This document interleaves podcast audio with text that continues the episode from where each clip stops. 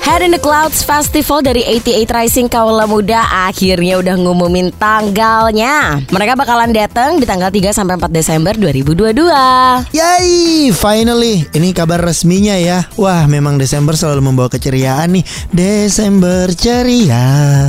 September, September Pak, kelamaan Desember. Tapi kan kalau Active Rising mah nggak kerasa lah ya Desember ya. Oh iya bener. Nanti bakalan di Community Park Peak 2 Jakarta Utara Kaula Muda. Dan katanya nih Festival ini dipilih oleh Fast Company Sebagai salah satu dari 10 acara live Paling inovatif. Jadi konsep produksinya tuh unik dan memukau. Ada tambahan pameran seni Makanan khas Indonesia Yang menjadi highlight dari acara ini. Selain of course ya Ada artis-artis terkenal dari seluruh dunia Yang akan menjadi performer CEO dari 88 Rising bilang kalau dia senang banget nih karena bisa bawa festival ini ke kota yang dekat di hati, salah satunya Jakarta. Ini mah dekat di hati, semoga nggak jauh-jauh dari budget aku ya, karena banyak nih acara-acara saya nabungnya bingung. Nah itu mendekatkan di hati tapi menjauhkan kepada keuangan ya. Tapi harusnya sih nggak semahal itu. Soalnya kan pulang kampung masa sih kampung sendiri dikasih mahal ya nggak? Eh, bisnis is bisnis pak, mau kampung mau apa.